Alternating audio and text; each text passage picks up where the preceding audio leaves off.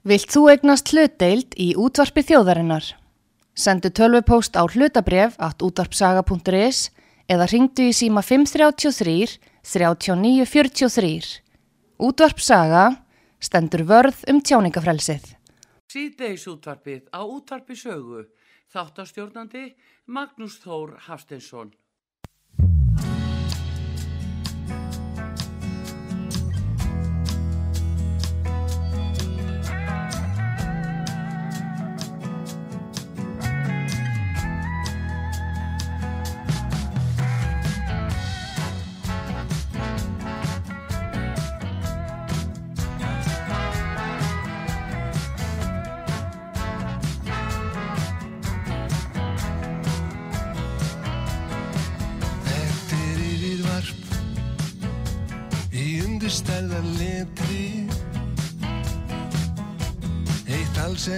Endalust þrasum ekkert eða allt.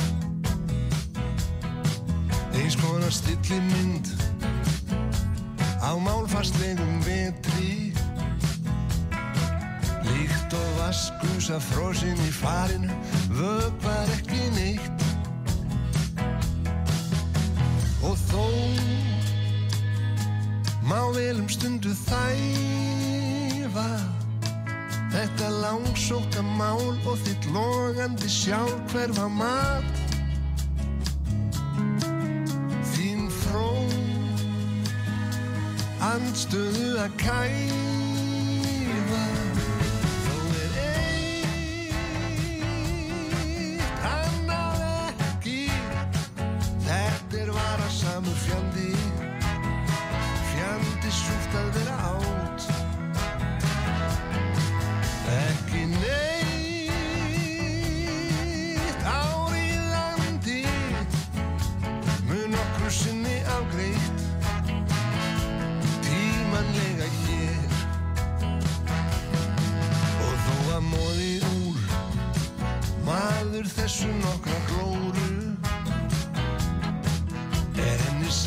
Gæti sleið á frest, setti glukkalust umslag undir súl. Og helstu þrætu mál Hvort fáist vilkó eða póró Í innan hús mötunitið heyrðar sem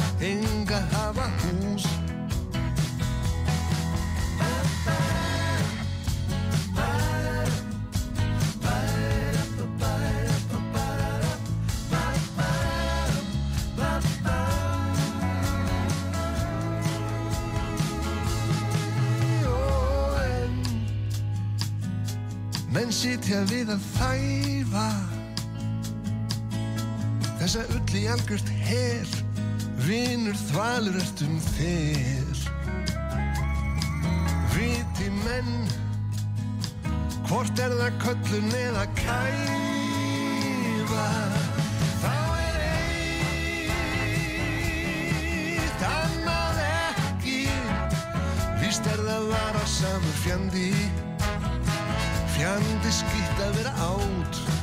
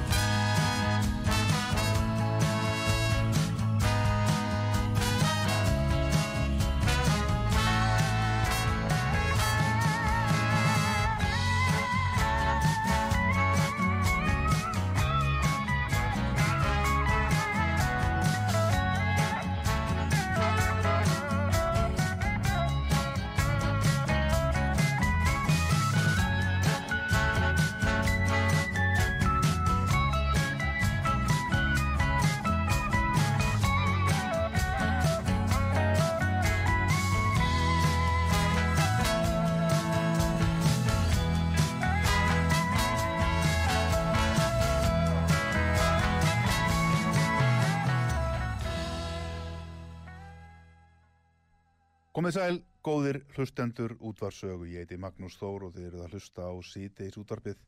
Við vorum hér að hlusta á Sigurd Guðmundsson, flytja lægið Kartöblur af plötunni Kappróður sem kom út síðasta sumar.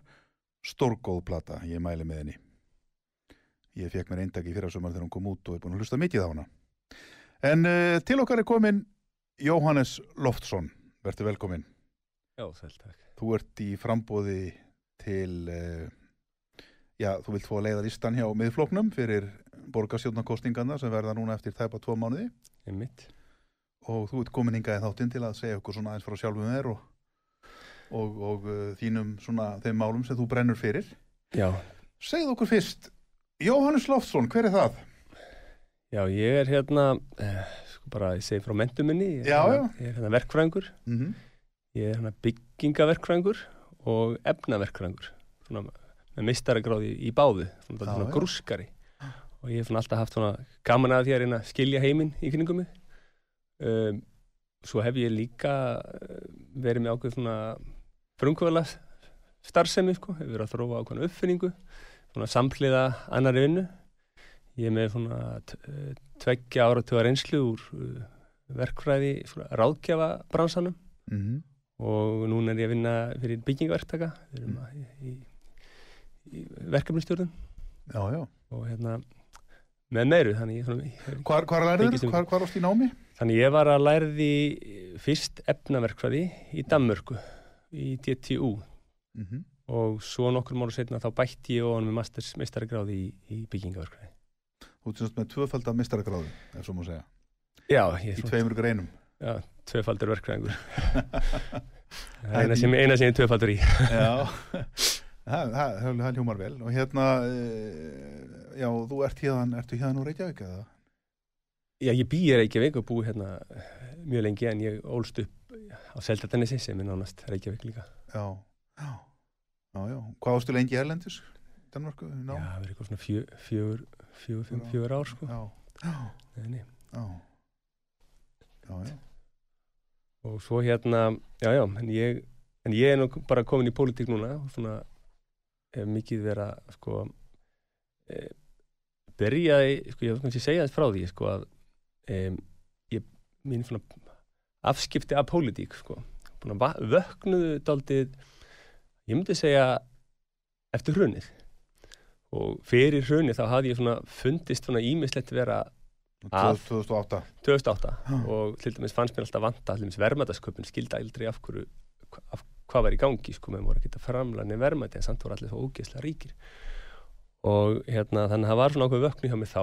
Ég, og, og, og eftir það þá fór ég að reyna að byrja eldumis að, að, að há mér að, að stopna eftir brotafyrirtæki sem ég hef verið með sko. Og e, byrjaði svona að aðkoma að pólitík fyrir alvöru, það tók náttúrulega tíma. Maður er svona feimin að koma fram fyrst það var fyrst í kringum hérna eh, flugvallamálin, það var ekki fyrir 2015 sem skrifaði mér fyrstu þjóðmála grein Mm. til áhrif og, og þá var það bara sem verkfræðingur þá hafði ég tekið eftir því að menn hefur voru búin að ákveða að loka neyðarbraut hérna flugvallarins, er ekki ekki flugvallar Mhm.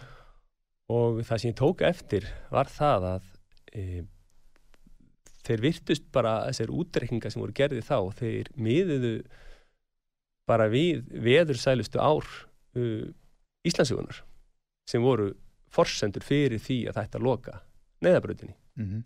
og mér fannst þetta mjög undarlegt og fór og byrjaði mér fyrstu grein þar. Þetta, var, þetta endaði með því að ég setti mig inn í allan flugvalla flugvalla staðalinn og, og fór að hérna, þetta verið endað ykkur um 10-15 greinum sem ég skrifaði og var að gaggrina þessa málsmeðferð.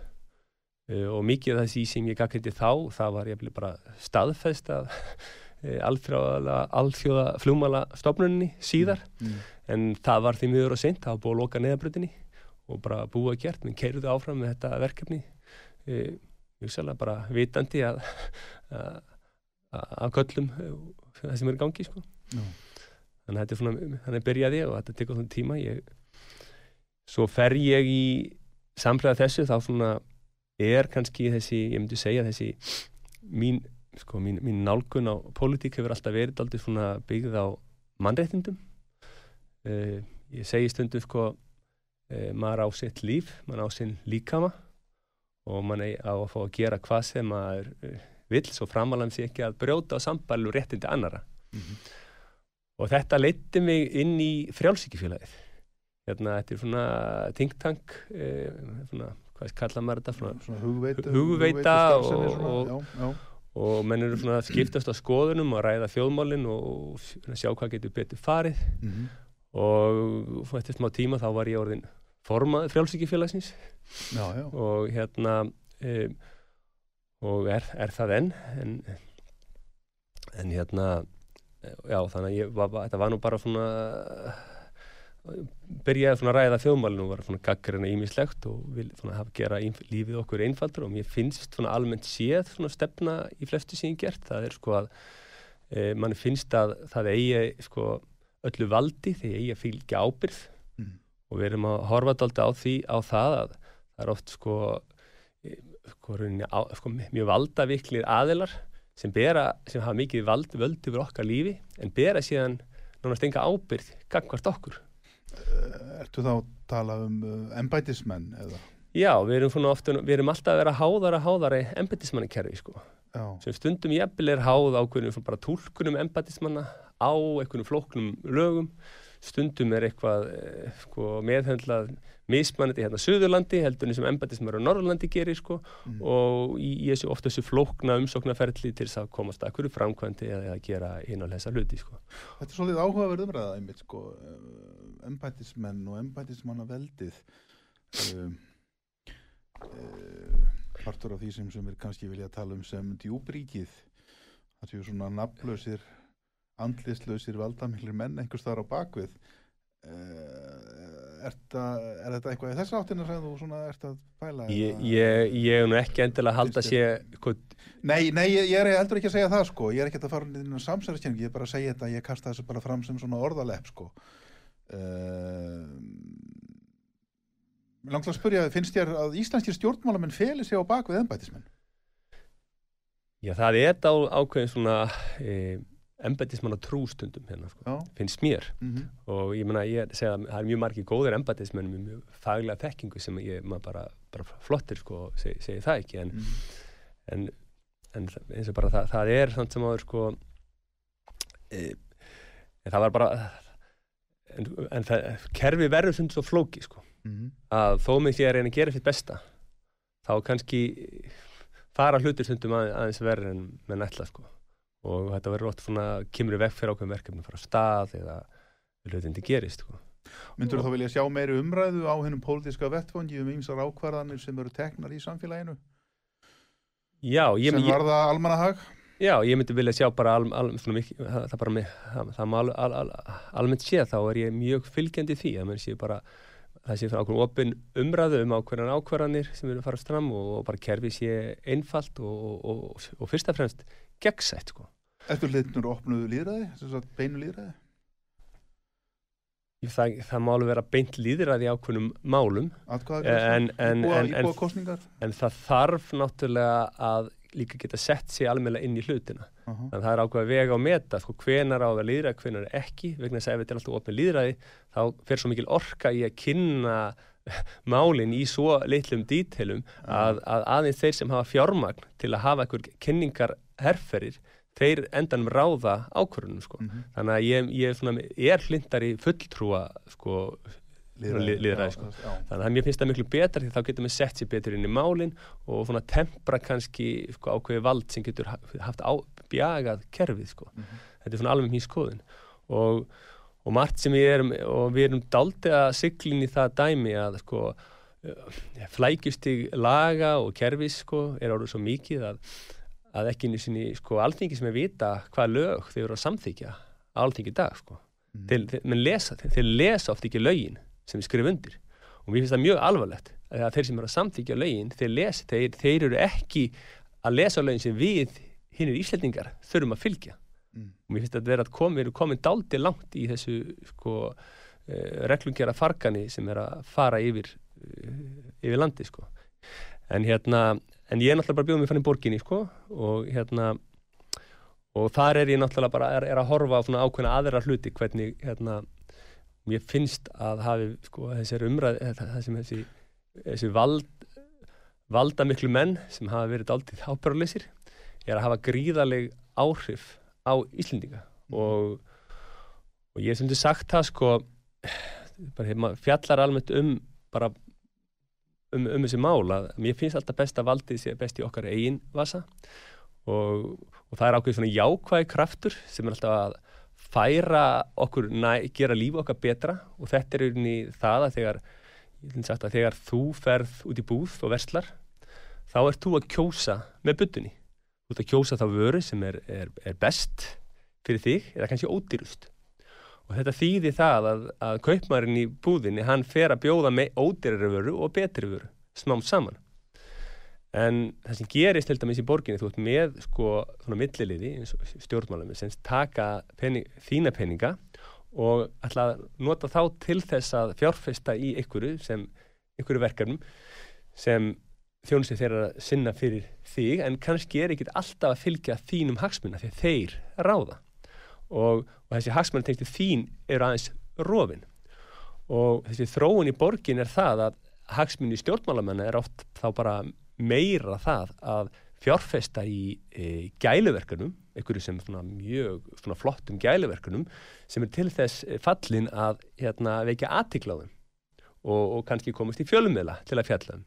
Því það, þannig farðu aðkvæðin og á saman tíma að gera þetta þá ertu að hérna, þá bara klárast peningurinn og þá er minni peningur eftir fyrir þessa grunn þjónustu sem er unni tilgangur þessa, þessa sveitastjórna þegar að sjá um um uh, góðan restu skólana, þegar sjá um leikskólana, þegar sjá um að bara snjómókstur og, og allt þetta. Og það er látið mæta afgangi.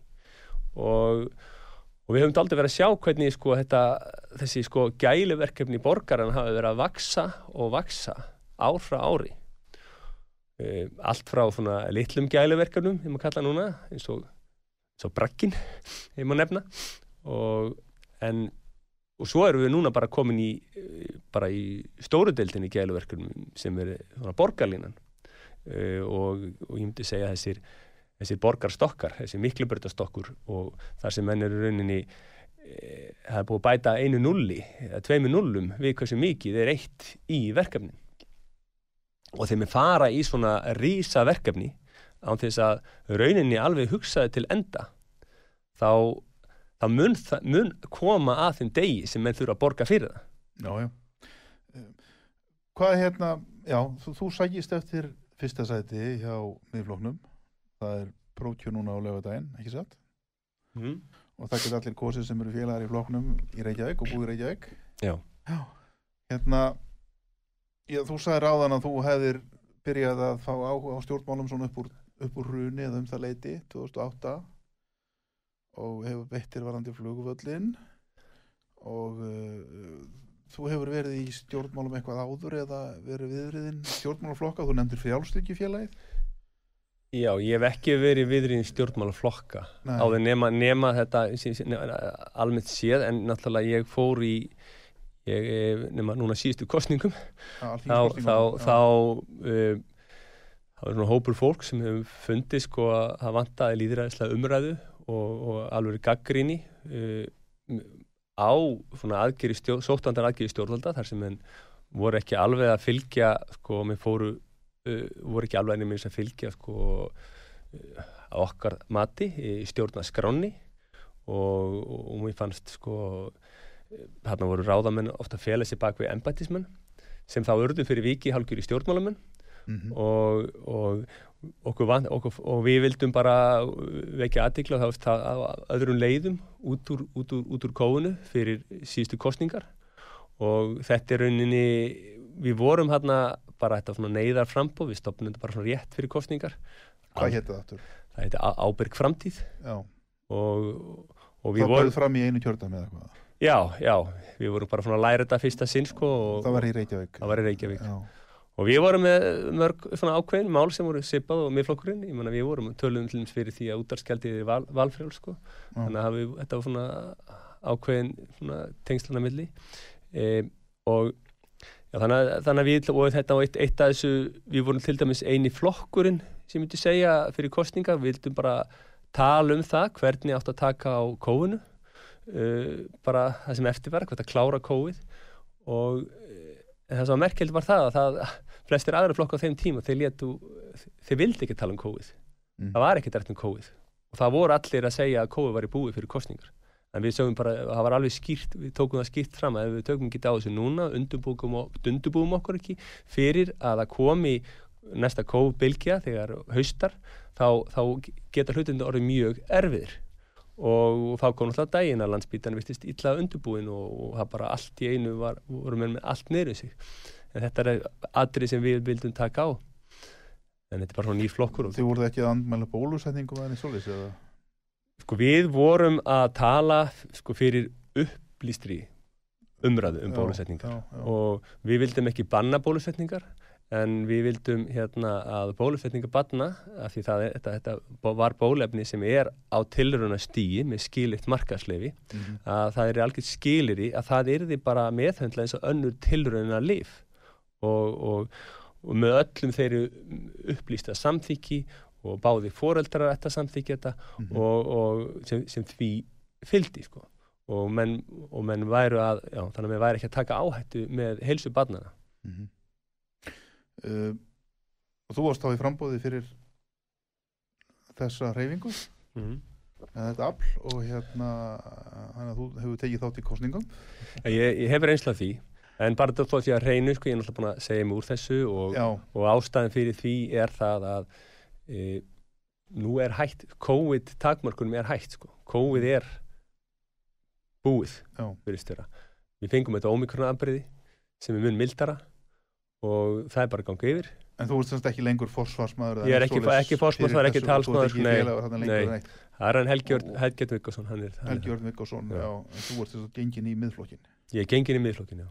já, þú varst ekki í honum fyrir en bara, bara núna þú ert þá ný gengin í hann til að til, að, Já. til þess að gera Já, já. já.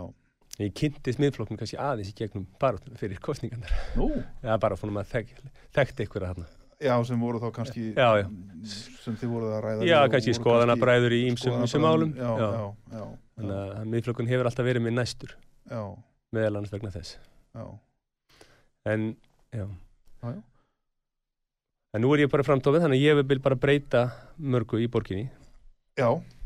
Ég ætlaði einmitt að tala um það við þig líka sem sagt uh, farið við það að þín svona helstu stefnumál, pólitíkin uh, ef þú verður kjörin ótviti hver eru þín helstu áherslu mál Já, þannig að sem ég er mín áherslumál fyrir kostningar er það að e, ég sko fyrst og fremst þá finnst ég mikið vatn með býðið sér fram svona að maður komi með raunveru á lausnir. Mm -hmm. það sé einhverja lausnir útrúst fyrir fólk. Það er ekki bara nóg að gaggrýna það sem miður fer. Þú verður að vera einhver sem getur sko leitt e, borgarbúa út úr mikið ógöngum sem eru komin í. valkosti já, út úr já, já, og, og það er mjög mikið vakt að menn sjáu hvert menn er að stefna. Mhm. og e, ef ég tek áherslumólin hjá mér og ég finnst að lang, lang mikilvægt áslamáli í mínum huga það er húsnæðismálin. Og mér finnst þetta það er e, bara mjög slemt ástand á húsnæðismarkaði. Fastegnaverð er miklu herra en bara hluta slammiðan þegar ég kefti mér íbúð. E, unga fólki það er aflengað það, unga fólki það dvelur í- hjá fóreldrinu sínum mun lengur. Menna, margir festast í fátæktargildru bara leigu, að þeir leigu verið svo hátt þeir ná aldrei að sapna sér í peningum til þess að geta áttur í fyrstu ábörkun í húsis sem ætla að kaupa og, og bara tími líður.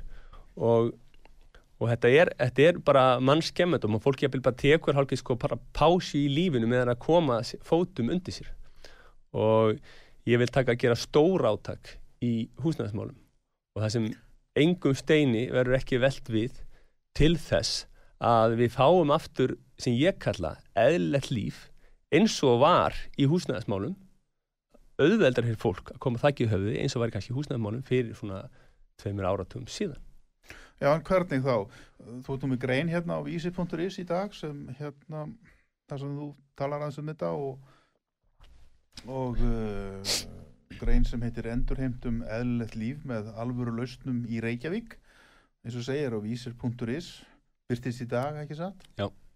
Um, Þannig ertu meðal annars að tala um það að hér sé fastegnabóla uh, fastegnabólan núna sé orðin stærri heldur en hún var fyrir hrun Já, það sem, eins og ég byrti þetta hérna, Já. hún virðist vera það Mm. og e, það sem ég er að... Yfirverð á fastegnum sem sagt Já, sko, þetta er ekki yfirverð, þetta er, þetta er aðeins flokknar en það, sko. Ok, Þannig að, sko, mín álgun þegar ég er að fjallum þetta hann í greininni er það að, ég með það er ákveð markasverði á húsi mm og svo er ákveð kostnaður sem fer í það að byggja húsi sjálft -hmm. og ein leið til að me- meta, meta hann að kostnað, það er rauninni byggingavísitalan. Inn í því er kostnaði verktakans við það að vinna vinnun að byggja.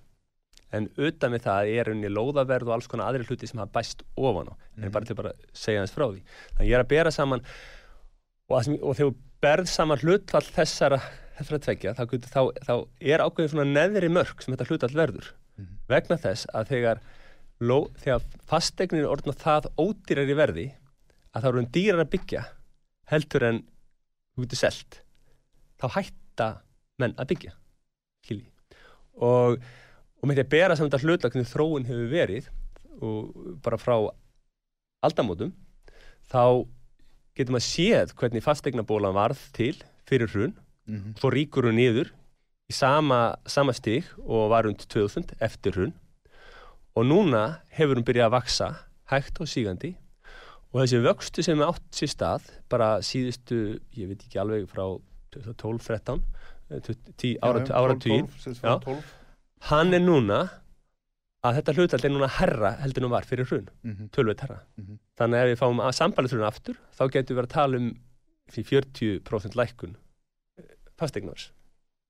Mhm. Það er bara í, í sko, leiðrétt fyrir byggingavísutölu sko. Og, og en bara svona áttu sig á því þetta er ekkert allt gróði einhverja verktaka sem eru að koma inn í. Þetta er ekkert allt bara spenna á markaði. Þetta er, inn í þessu er líka það að lóðaverð hefur verið að hækka. Og það er líka inn í því að flækistega byggja upp hefur verið að hækka, sérstaklega þú var að byggja inn í, inn í borgum og bæjum, sko, það er mm. leifis, miklu með flóknara leifisverðli og ég bara var hérna, við horfum hérna út áðan og beint að móti ykkur, þar er verið að þar er verið að hérna, rífa já. gamalt hús og byggja nýtt. Mhm. og þú getur ímyndið að rífa gamalt hús þá, þá, þá, þá ertu að eyðilegja verðmætti sem hefði hugsað að geta selt sko. Já, já. ja, og, og þá ertu rauninni þá er kostnæðurinn ennþá herri og þetta, af því menn hafa beint, beint uppbygginginu, svona þessu þéttingasvæði er að keira upp fastegnaverð a- að hluta til og þetta vil ég fara að bara stígi lappirna gegn þar að segja, ég er ekki að móti því að menn þétti byggð, alls ekki en ég vil að það verði leifð eðlileg þróun byggðar þannig að maður geti byggt eins og áður á auðum svæðum. Maður geti með reyni eins hratt og með mögulega geti að, að verða við sem alvarlega vanda, bregða sem alvarlega vanda og, og byggja á skipulögum svæðum eins og Jólvarsdal eða Gravarholti þar sem væri þetta byggja eitthvað hratt. Ég tala fyrir því að samlega þessu þá horfum menn til dæmis á búna, góð auð svæði sem, sem eru nálagt kannski góðu samgöngum eins og Keldnalandið Mhm. eða nátt korpu þar. Þar, þar er gott, mjög auðvelt að byggja hratt upp án mikill er bara, það er engi, það er engi fyrir. Og, og það verður bara gett stór átak í þessu stór átak í þessu og stór, og stór átak í það að ein, einfalda sko, þetta leifis og, og flækjustig við að byggja. Menn að, að borgin sjáum mett, sé metnaði því að reyna að leysa e, þetta vandamál að það sé ekki til sko ódýrar fastegnum fyrir þá sem ekki efna dýrin fastegnum e, í dag Þú ert byggingaverkfræðingur. já, Hefur þú unnið þá í byggingabransanum? já, ég, já, já, já, ég bara, Já, já. bara un, um, Þú mjög þekkir mikið- þetta, já, umræðu alveg að eigin raun, ef svo má segja? Já, ég er bara þekki sömraði að mikill raun, sko. Ég er Já. bara, mér er fyrir, ég, manna, ég er fyrir nokkrum árum síðan, bara sem dæmi, sko, fyrir nokkrum árum síðan skrifaði ég grein í mokkan og var að gaggrina byggingareglugirana Já. Og þá var ég mitt að gaggrina það að, hérna, að ég var að horfa, það var, svo mikla reglur við, sko, minnstu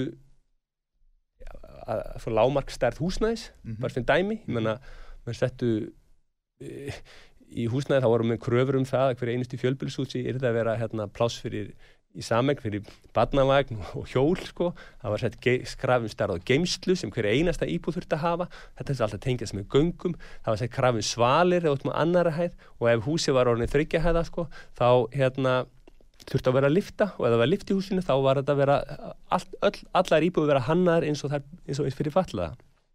Ég kom með ákveðna gaggrín á þetta sínu tíma og það var, og það var mjög áhugavert að þegar ég kom þess að gaggrinni og, og bendi bara fólki á að hérna væri verið að gera íbúið miklu dýrari fyrir fólki að þá brugðust stjórnmálunum við. Þú voru ekki búin aftur að segja á þessu og þau breyttu mjög miklu af eða flestu sem að, að benda á sínum tíma. Þannig ég hef mjög mikið verið að spá eh, alla tíð verið að reyna að finna leiðir til þess að lækka húsnæðisverð. Já, þannig að þetta, þetta reglugjörða fargansum sem við myndum vilja kalla er það að stórun hluta til þá sagt, heimatilbúið vandamál hér á Íslandi. Já, ég menna Þetta er ekki vegna einhverja einhverja hérna evróstu regla eða eitthvað slúðis Já, já, þetta er aldrei, menn halda að menn geti breytt heiminum bara með þess að setja reglu sko. þú, en þú getur ekki fært luxus í lög. Nei. ef að setja luxus í lög Við getum sérst undið ofan að þessu. Já, já, þú getur undið ofan sem að það er vilji til að finna leiðir út úr þessu vandamálum það verður hægt að gera innan, innan, innan á sveitasjónastýri þannig að ég segi í staðan fyrir að eins og minn gerðu í byggingareglugerðinni að fletta hans ofan af, af vittlisinni sko, þá er ekki að gera sama ég menna það getur verið gaman að búa í þétt, þétt, í þéttir byggð Já. fyrir suma, en mhm. ekkit alla nei, nei. en það er ekkit gaman að búa í þéttir byggð ef þú hefur ekkit efni, bara efni að búa þar mm -hmm. og sekkur í ykkur skuldafangilsi og, og það er mikið að brjálaði sem ég hef verið að benda á sem er í gangi sko og, og og ég, sko aðri hlutir sko þannig að þetta er svona fyrsta málum, ég finnst þetta að vera algjörg forgansaðri Við ætlum að, við ætlum að, hérna, við þurfum að tímilíða svo rætt, það er komin auðlýsingar komin auðlýsingar hér hjá okkur. Við skulum halda hér áfram eftir og tala eins meira um þessi húsnæðismál og, og, og allt það, en uh, nú tökum við auðlýsingar hér, góði hlustundur hjá okkur er Jóhannes Loftsson sem er í frambóði innan miðflokksins til að fá að leiða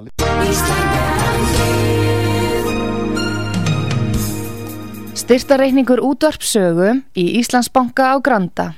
Útubú 513, höfubók 26, reikningur 2.11.11. Nánari upplýsingar á útvarpsaga.is. Takk fyrir stöðningin.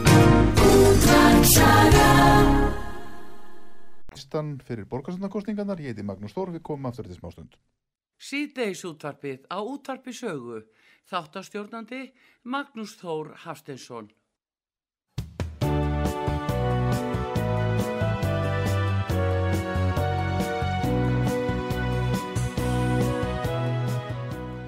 Komið sælættur, ég heiti Magnús Þór, þið eruð að hlusta á CTS útvarpið á útvarpisögu.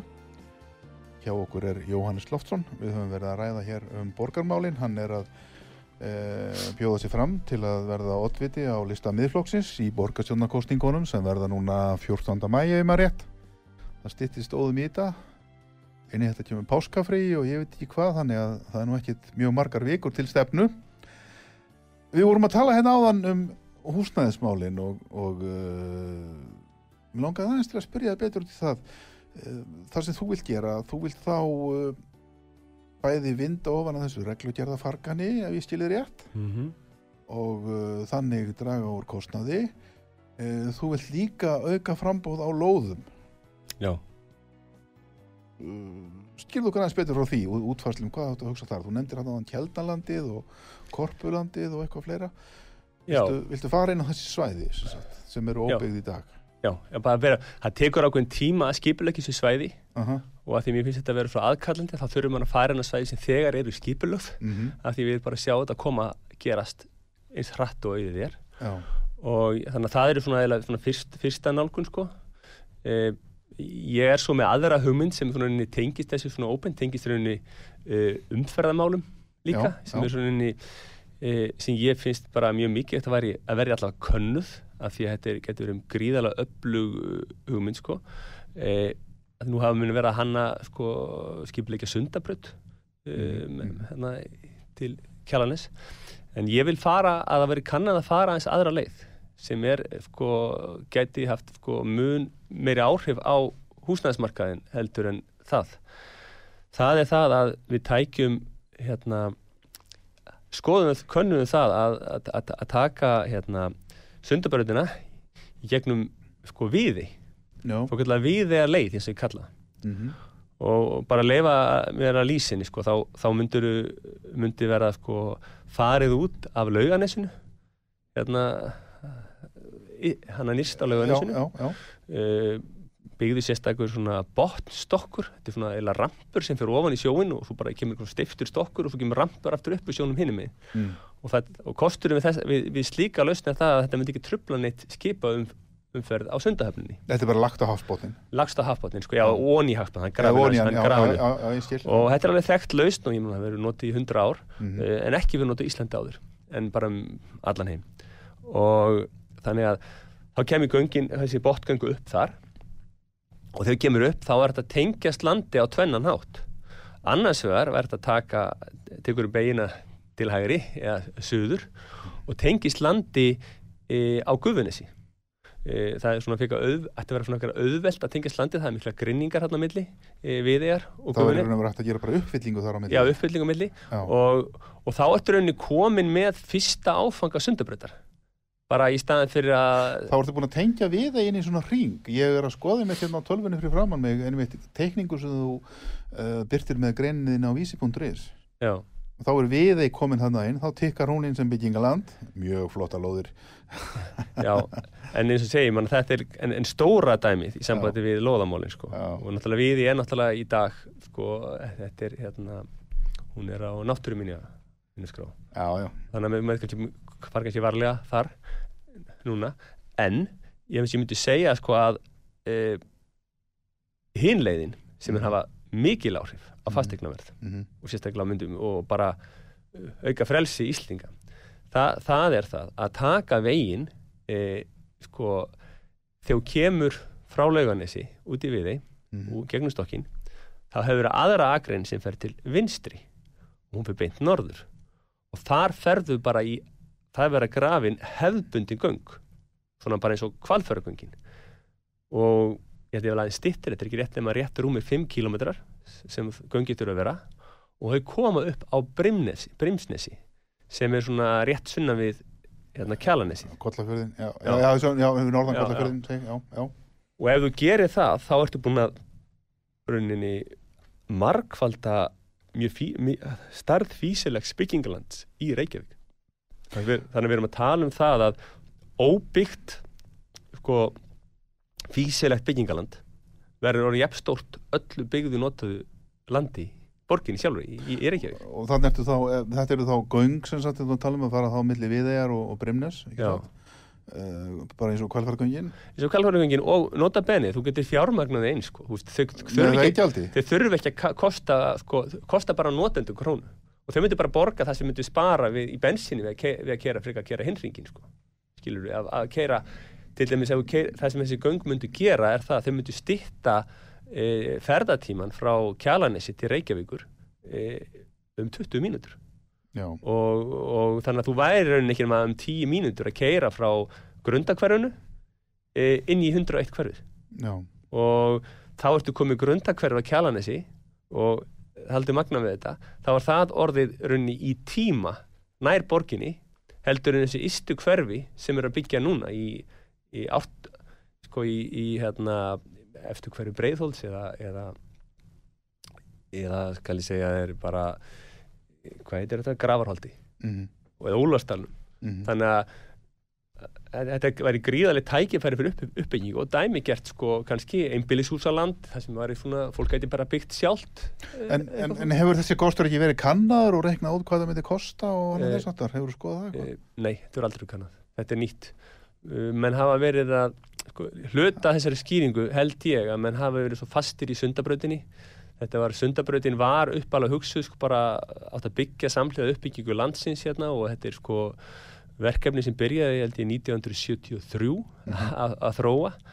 Og, og lengi við þá ætlaði menn alltaf að fara þessa innstu leið sundabrautinar þar til að dagur kom og plantaði hérna húsi á veilunina og þá þurftur að fara utar sem er að gera núna sko.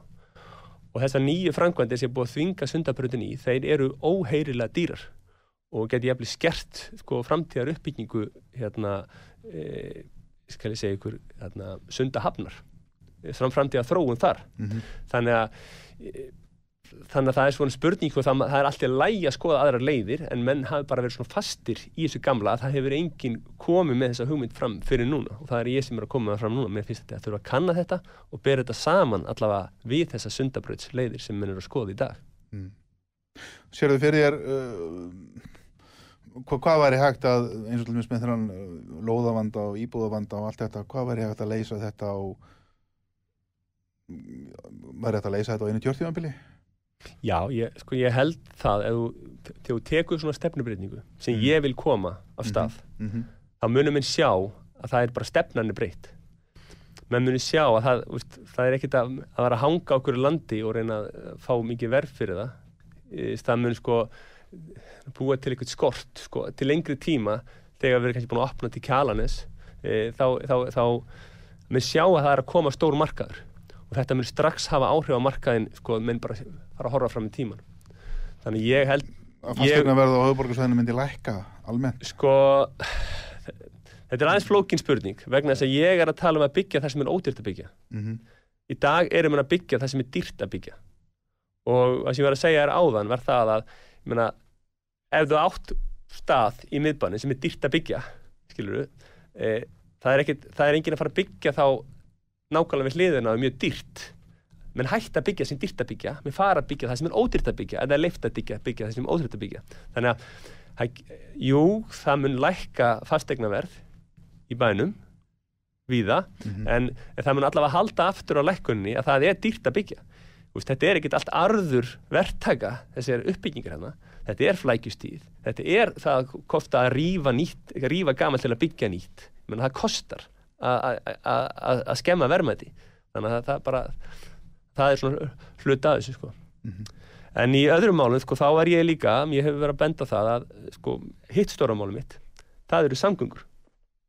Og að við ég að börja kannski bara til það tengist þess fastegnamarkaðunum uh, og, og svona með að skoða kringum skoða aðra leiðir heldur en bara sundabröðina uh, en það er komið ákveð óefni í borginni og ég held að fólk átti sig ekki alveg á því. Það eru sko þessar, þessar leiðir sem er að fara þessi borgarlína eða þessir, þessir vegstokkar sem er alltaf að fara að grafa hún í jörðina. Þetta eru gríðala dýr og gríðala flókin verkefni. Mm. og, það, og yfirveldi sko, er ekkert að upplýsa um allt, allan kostnæðin það, það, það er enn gríðaleg sölu mennski gangi til þess að selja fólk þetta verkefni. Og bara þó ég tekja aðeins borgarlínuna bara svona, svona smá, svona mín gaggrinni á borgarlínuna. Er það þannig verið að leggja allar menn að leggja eitthvað svona borgarlínu eitthvað svona ofurstrætó og leiðin sem er að skipulega til dæmis í Reykjavík e, menn áttu sig kannski alveg á því að þetta er rosalega mikið um svona lít byggð hverfi. Þetta byrja við flugvöllin og svo fer þetta um miðbæinn, fer eftir svo Suðurlandsbrutin, það er engin hús öðrum með þar. Svo keirur þetta svona láreista byggð þarna áfram, fer gegnum vóakverfið e, vóakverfið, notabenni, þar sem er eitt gríðalega dýrt fastegnaverð getur ímyndar að fólk sem er að kaupa sér fasteg fyrir 80 miljónir sé ekki með bíl.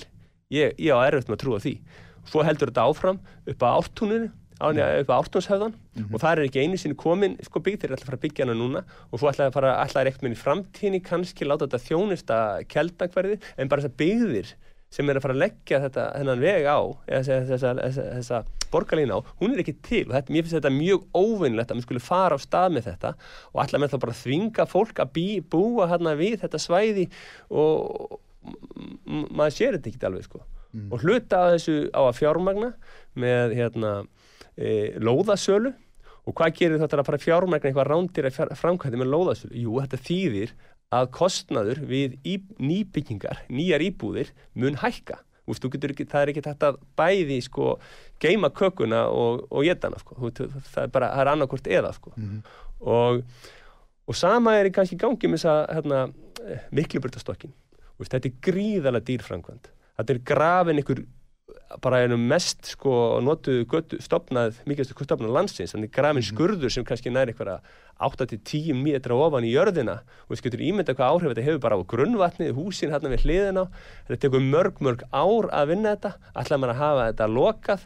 Hvað ætlaði mann að gera við umferðin, menn er ekki búin að á þessum tíma, verður neyðar ástand hérna í umferðinni meðan að byggja þessa gríðala flóknu og dýru framkvæmt og kostnæðurinn er svo yfirgengilegur að ég bendi allir mis á það að í, greinni sem var að skoða byrt í dag að uh, og vísa ég að, aðra grein sem ég bendi áður var það að e, gömlu aðferðina sem að húst verkfræðingarnir og, og vegagerinn var að skoða fyrir svona mm, 15 árum síðan þá ætluðu menn að gera miklubraut og voru að skoða að gera miklubraut og kringlumærabraut af samgöngu ásum það sem ætlaði að skipta út öllum umfyrraljósum Mhm. uh, með svona míslega gattamótum það sem að umfræðin fekk að flæða. Já. alveg. Og kostnaðan á þeirri framkvæmt er, var jafn mikill og bara þessi litla stubb borga, miklubröðinni sko. Og þetta er svona, þetta er bara að fara í þessa framkvæmdum og allt sem þessu fylgir sko, og fá svo þú lítið fyrir þetta. Ég menn það verður umferðiljósi hvort enda borgarstokksins sko, en þannig að miklubröðastokksins sko, þannig að þú ert bara kannski fastur í göngunum í einhverju mengun. Og ég er ekki að sjá að mér sé búin að hugsa þetta alveg til enda Nei. og ég bara hrættur um það þegar borgar þegar hérna, þessi miklubröðastokkur er komið þá bara standið minn upp með, með bara stíplaðan stokk og, og tóma vasa. Og það er í sinna að vara við. En þessi mikilvægt er átt að segja á er að það menn ætla fjármagna þetta meðal annars með veggjöldum. Og núna hafum við verið að byrta svona fyrstu upplýsingar um veggjöld, þetta er kannski 20 krónur ferðin eitthvað svona en e, jafnvel upp í 200 krónur. En við verðum að horfa til þess að núna erum menn að selja þessa hugmyndir og e, við verðum bara að horfa hvað er í gangi á Norrlöndum þar sem mann hafi verið að gera kannski svona seipa framkvæmdir. Og ég ætlum spennt á það að þar fórum, ég ætlum í Bergen þar fórum inn í svona borgarlínu verkefni þar og þeir voru reyndar vanari veikjöldum, þeir voru fyrir. En en sko það sem gerðist þar var það að þeir byggðu hennan, hennan hérna, e, byggðu borgarlínu línuna þar. Og með því að lofarið að þetta myndi minka umferðina en það kom að daginn að þegar borgarlína þar var tilbúin þá helst umferðin áfram að aukast eins og um meðalári Já. og veistu hvað gerðu þá? Mhm. hækkuðu vegtallana. Þannig að við getum verið að horfa á það, það bætist einhver viðbútar skattur ofan á reikvinga til þess að verja þetta borgarlínuverkefni, til að fjármagna þessi verkefni sem fara algjörlega fjárháslega bóðum böndunum. Það sem við erum að tala um það, þú ert að borga 500 til 1000 krónur á dag bara fyrir það að fá ferðast í borginni. Og En hvað vilt þú gera? Viltu þú bara hætta við þetta allt saman eða flauta þetta af? ég bara segi þessi verkefni eru ekki að skila okkur afalitli, eru að skila okkur afalitli og þau virðast vera valin nánast með því, þegar maður horfur á því ég á erfum að ímynda mér verkefni það sem jafn, miklum pening er eitt í jafn gagn þá- fyrir umferðina Þú vilt þá hætta við þetta? Þetta af? hætt þetta, ég vil Ah. hafna þessu samgöngsáttmála Ha- ha- Hafna þessu, já. og ég myndi vilja sjá umferðabætur strax Mm og ég myndi vilja Eitt- og, eitt, umferðarbætur? og eitt fyrsta forgangsmál mitt væri og myndi bara gera það strax á, bara, vonandi bara komið í gagni bara strax á öðru ári Mm ég myndi vilja taka burt öll gönguljós, svona stök gönguljós sem væri á miklabutinni og ég hef í kringumarbötinni, þetta er alltaf ekki þrjú alltaf sem ég veit að núna Mm. eh, sem, og þannig að skipta þeim út með göngubrúm Það er veru alveg, alveg stór furðulegt Og- einmitt þessi gönguljós að þau skuli vera Þau, þessi gönguljós er að trubla alla svakalega. þau trubla flæðið Mm. ha? þetta eru hræbillega verkefni með allt hitt sem hann að gera kannski einn hundraðist eða sem, sem hann að miklu börta stokks Göngubrýr ekki bara, bara undirgöng. og þegar þú komið þetta þá getur þú farið að nota umferðarstýringu miklu Mhm. betur. Og þú getur stór aukið afkvöst miklu börturinnar á annan tíma. Af því að það bíla, bílandin er ekki alltaf að stoppa og taka stað. Komið flæðið. Það þarf að verja flæðið og þetta Mhm. myndi vel að vilja sjá strax gert þannig að fólk myndi bara sjá bara vera að spara nokkra mínútur á leiðin í vinnuna bara myndi bara finna fyrir því þannig að þetta er svona þessi umferðamál og mér finnst þessi umferðamál þau tengja svo mikið líka slóðamálunum því að leið og lagar þessa stóru samgöngu ása þá er rauninni er miklu auðveldar að búa útkverfi að búa eins Já. bæinn því þá er bara þá ertu rauninni að þú ert rauninni að minka borgina þú ert að þétta byggð í tíma það er þessi í ferðatíma ert að þétta byggð Mhm. Reykjavík eins og í dag, hún er rosalega dreifð í tíma það tekur svo rosalega langan tíma að ferðast milli staða að því menn hafa vannrekt þessa mikilvæg skildu að halda við umferðaðinum bara í meira en ára tug Mhm. og það sem er í gangi í dag þetta kemur bara ekkert á óvart, þetta er bara eðlilegt. Og þetta höfum við reykingar ekki átt að venjast. Áður fyrir þá vorum við alltaf að bæta umferðina. Og þetta er það síðan að segja, það þarf alvöru lausnin til að leysa þessi umferðamál og menn eigi ekki að vera elda eitthvað svona lausnin sem er ekki að gera gagnið allt og dýrar og munum bara vera byrði á reykingu þegar framlýða stundir En ákveð að spyrja það með Reykjavíkulugvöldur, þú myndist á hann hérna í byrjun, þú hefðir haft skoðanir og verið með pælingar það varandi það neyðabrautina. Ertu fylgjandi Reykjavíkulugvöldu eða móti? Ég er bara mjög fylgjandi reykingu Mjög fylgjandi. og hérna, en ég finnst náttúrulega það er náttúrulega, kannski, menn, ég bara hefur verið að benda á það að e, menn kannski átt að sig geta því að ég var að skoða um daginn alveg fara með þetta, það er kannski ekki nema sko hverju snertingu flugvila á Reykjavíkulflugl þannig að mér finnst sko rauninni að meða við kannski ónaði sem flugvillin er, er að valda þá erum við ekkert að nota rosalega mikið. E, bara á keflaugur hlutið þá ertum eitthvað þessi talan er hundrað. Og það sem ég myndi vilja gera á Reykjavík er það að ég myndi vilja byrja að leifa í meira mæli farþegaflug uh, bara eins og frá okkur stórbökkum bara getur flóið beint til London eða flóið beint til Kaupanhafnum bara þannig að það er miklu stittir ferðir það sem myndi vin, ávinnast með þessu þetta er ekkit, sko náttúrulega myndi tryggja það að hljóðvis myndi haldast alveg Mhm. sama, þetta, í svona stórborgum dæmis í London þá erum við með hljóðlátari vélar skilur, þú já. leifir ekki hvaða vélar sem er að fara hann sko. uh, þá, þá myndi þá rauninni þá kemur svo mikið fjármann, þá kemur svo mikið þægindi líka inn í verðu, rekstur vellaræðstu miklu betri það verður, það og miklu bara þægindi fyrir okkur að þurfi ekki kannski endilega alltaf að skuttlast til Keflavíkur, Nei, nei. bara geta farið beint. Ég hef aldrei getað skilið það, ég er nú búin að vera að rálumund í mörg ár, að hérna, hvers konar í ósköpunum er ekki leift sko flug frá Reykjavíkulugvelli til dæmis með svona hljóðlátum farþegaþóttum inn á sko stórar flughafnir eins og allir bara Lundúnir eða Kaupanahöfn því að því ert komin þangað þá er standa er allir vegir opnir út í heim hver sem er þetta myndi spara alveg óbúrsleitt hægra þau eru ekki alltaf að vera að þvælast svo til kepla ykkur til að komast úr landi eigða tími sem fyrir í þetta, kostnaðurinn getur ímyndaði peningar sem hægt var að svara. Já, ég menn út að spara hagræðið fyrir bæði atvinnulífið og ferðamenn og, bara, og, og, og, bara alla. Það myndi allir græða því að það verður hægt að fljúa beint frá Reykjavík. Alveg, skilur alveg. þú verður hérna stattur niður í miðbæ og, og þú ert bara, þá ertu bara í þryggja klukkutíma það og sko, og, svo bara, ég vil líka vera að benda á það. Ég menna, nota hann á flugvætt fyrst að neyra hlut, já, hann er þarna og svo eru hlutinir að þróa sko. og, nákvæmlega. Og, og Já, ég meina eh, ég bara verið að benda á það sko að til dæmis eh, ég held að Boeing, nú eru þeir fannar að þróa bara nýja tegund flugvila já, já, er í mótorum og flugvélum og öllu sko. Já, en er þessi flugvila er sko svona vangja þóttur, þú hefur séð það er svona nánast eins og hérna þessi steltvélar hérna bandaríkjana já, já, já, já. og þær eru miklu hljóðlatari Mhm. Þannig að þú ert rauninni kannski þú, að vera búin að missa flugvöldinni að þegar slíkar vélar er kannski að spara Þegar 20% þessi í- kynnslóð kemur já, Já, ég mann þessar vélar er að spara 20% í elsneti sko. Mm. þannig að við þessar þróun sem eru þá kannski er mér líklegt að mér fari þessa átt. já. og maður að naga sér í handabökin sko, fyrir það að hafa mist þessi tækifæri með að aðri flugvöldar eins og í miðborg London eru kannski með þessa tengingu en við ætlum að fara að eyðileggja þetta bara þessa frábæra tengingu sko. Já, já. Og þú talin ekki um það bara ábyrð höfuborgar að vel tengdur landsmönnum og geta veist, sjúkraflugið og Já, bara sko. þjónusta höfuborgan og atunum mann kannski að fara fyrir einhverja vinnuferðir frá Reykjavík og getur bara Mm. farið til Kepp, farið til Egilstað og verið komin aftur á modni sko. veist, bara tengja landsbyðana Reykjavík Mm. Hefur þú skoðað eitthvað að því við erum nú tíminn líður svo rætt hjá okkur og hérna, nákvæmlega spyrja það eins út í sko fjármál borgarinnar, það hefur talað mikið um það að borgin sé allt og skuldsett og hérna þetta líti nú ekki nógu vel út Hefur eitthvað Já, ég er náttúrulega kemmið smá hint í eh, svona, tilvísin í greininu minni sko. ég er að benda á það að fastegna hæst, er komið hæstu hæðir og Mm. borgin hefur verið að skilgreinarunni sko, sveiflir í fastegnaverði með að það er að fara upp sem, sem arð og svo taka þér lán upp á en arð og þetta er nú bara í anda þess sem við vorum að gera fyrir hrun það fóðum ekki vel fyrir þeim sem gerðu slíkt fyrir hrun og tóku lán út á ykkur sveiflur í fastegninni sinni sko. Mhm. ha, og þannig meina það er það blasa mögulega alvarlega vandamál við. Og svona það getur verið eitthvað það þurfa að grípa, grípa inn í og náttúrulega þurfum mann að fara valega með fjö og, og lámarka það sko.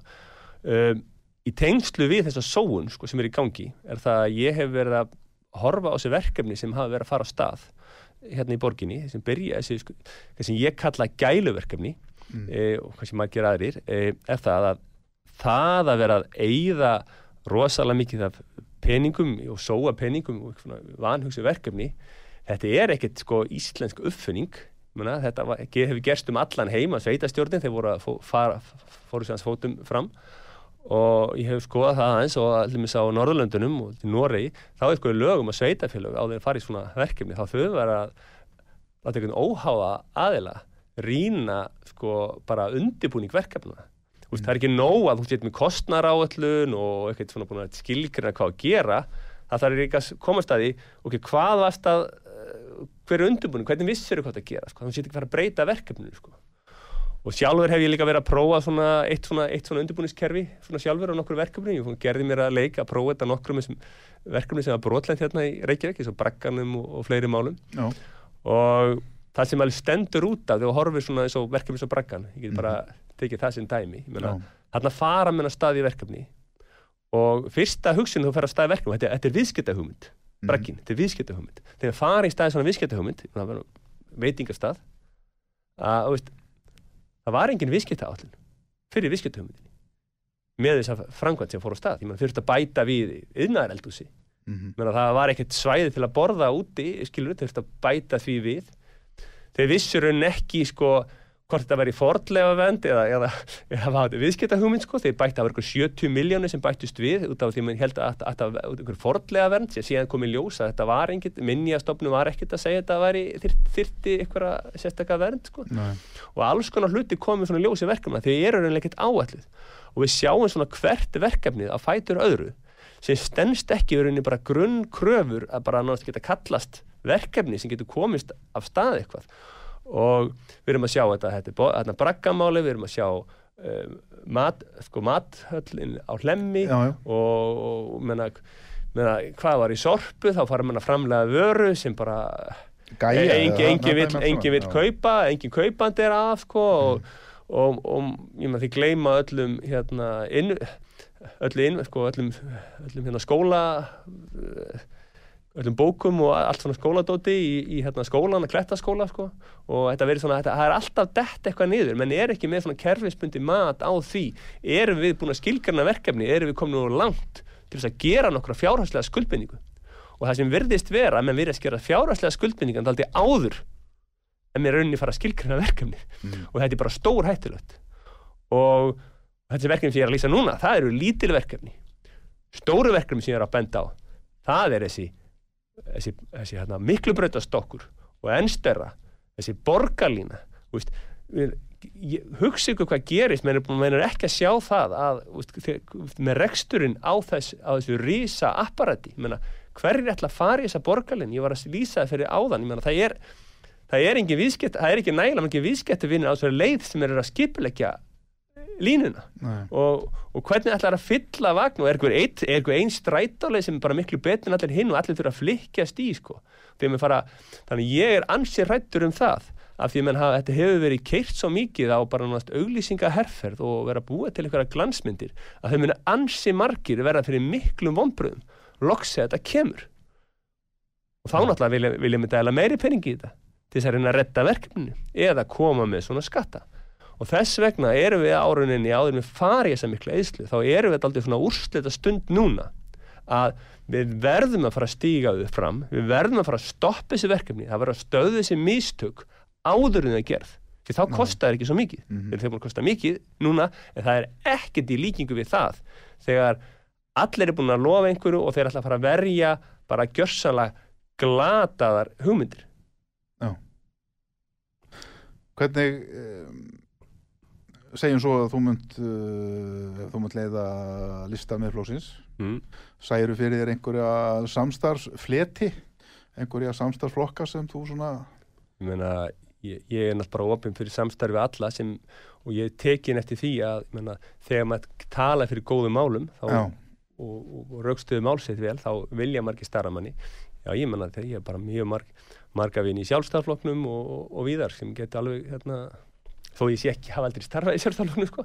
En bara- sjálfa það sem hægri mann eða, eða þú talar um að vera í frjálsækjufélaginu það er kannski svona frekar hægri eða hvað Já, ég kom, já, ég kom að sinna áðan, ég skilgreini mig, sko, ég, ég er, ég á orða þannig, ég, sko, ég skilgreini mig bara út frá mannréttindum, sko. já, Þannig að ég a, finn mér samkend með rauninni bæði vinstru og hægri.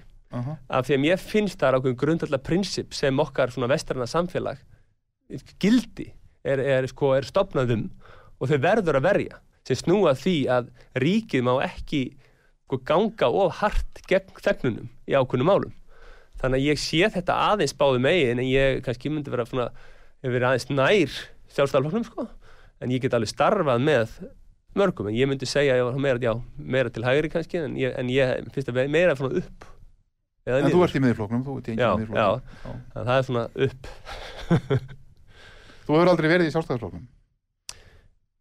ég held ég ekkert um að skráða mig ég hef ekki tekið þátt í einu en einu bara til að kjósa en ég held ég ekki eins og þurft þess að því að þetta er opin op, og opna kostningar sko en ég, ég veit ekki en ég hef aldrei haft svona sérstaklega Möndu taka sæti á lista viðflokksins ef þú nærði ekki í fyrsta sætinu? sko, Eða, eða myndur þykja sæti? sko mitt, mín stefna sko, mín stefna er náttúrulega það að ég þarf að, sko, að það skiptir miklu máli fyrir mig að leiða le listana því að hugmyndar eru svo stórar já, já, já, og það skiptir gríðarlega máli En þetta að er frambóði til Já, fyrsta sætis. já. Já, já. Já, já. Já, einmitt, við erum fallin á tíma. E, það var gaman að fá þig Takk fyrir og hérna, ég óskaði bara góð stengis í hérna þessu prókjöri sem verður á lögadaginn. Jóhannes Loftsson, byggingarverkfræðingur og efnaverkfræðingur, pólitískur eldhugi. ég vona bara að þeir sem vilja styðja mig sko, þá er, hérna, er þetta að skrá sig í miðflokkin Já. til, til ég fjögur á morgun Já, já, og, og bara sjá þess að hugmyndir eh, verða veruleika Já. því ég held að við þurfum að bara koma okkur út á þessari stöðu já, já. þessi gríðarlega mikilvægt Og þú ert með heimasíðu þetta. johannesloftsson.com Já. og þú ert með grein á vísi.is sem fólk getur skoða líka Ég þið vel, takk fyrir komuna. Já, kæra það ekki fyrir að Góð bjóða mér. hlustur, takk fyrir að hlusta. Davíð Tæknum að takk fyrir hjálpina, ég heiti Magnús Þór. Verðið sæl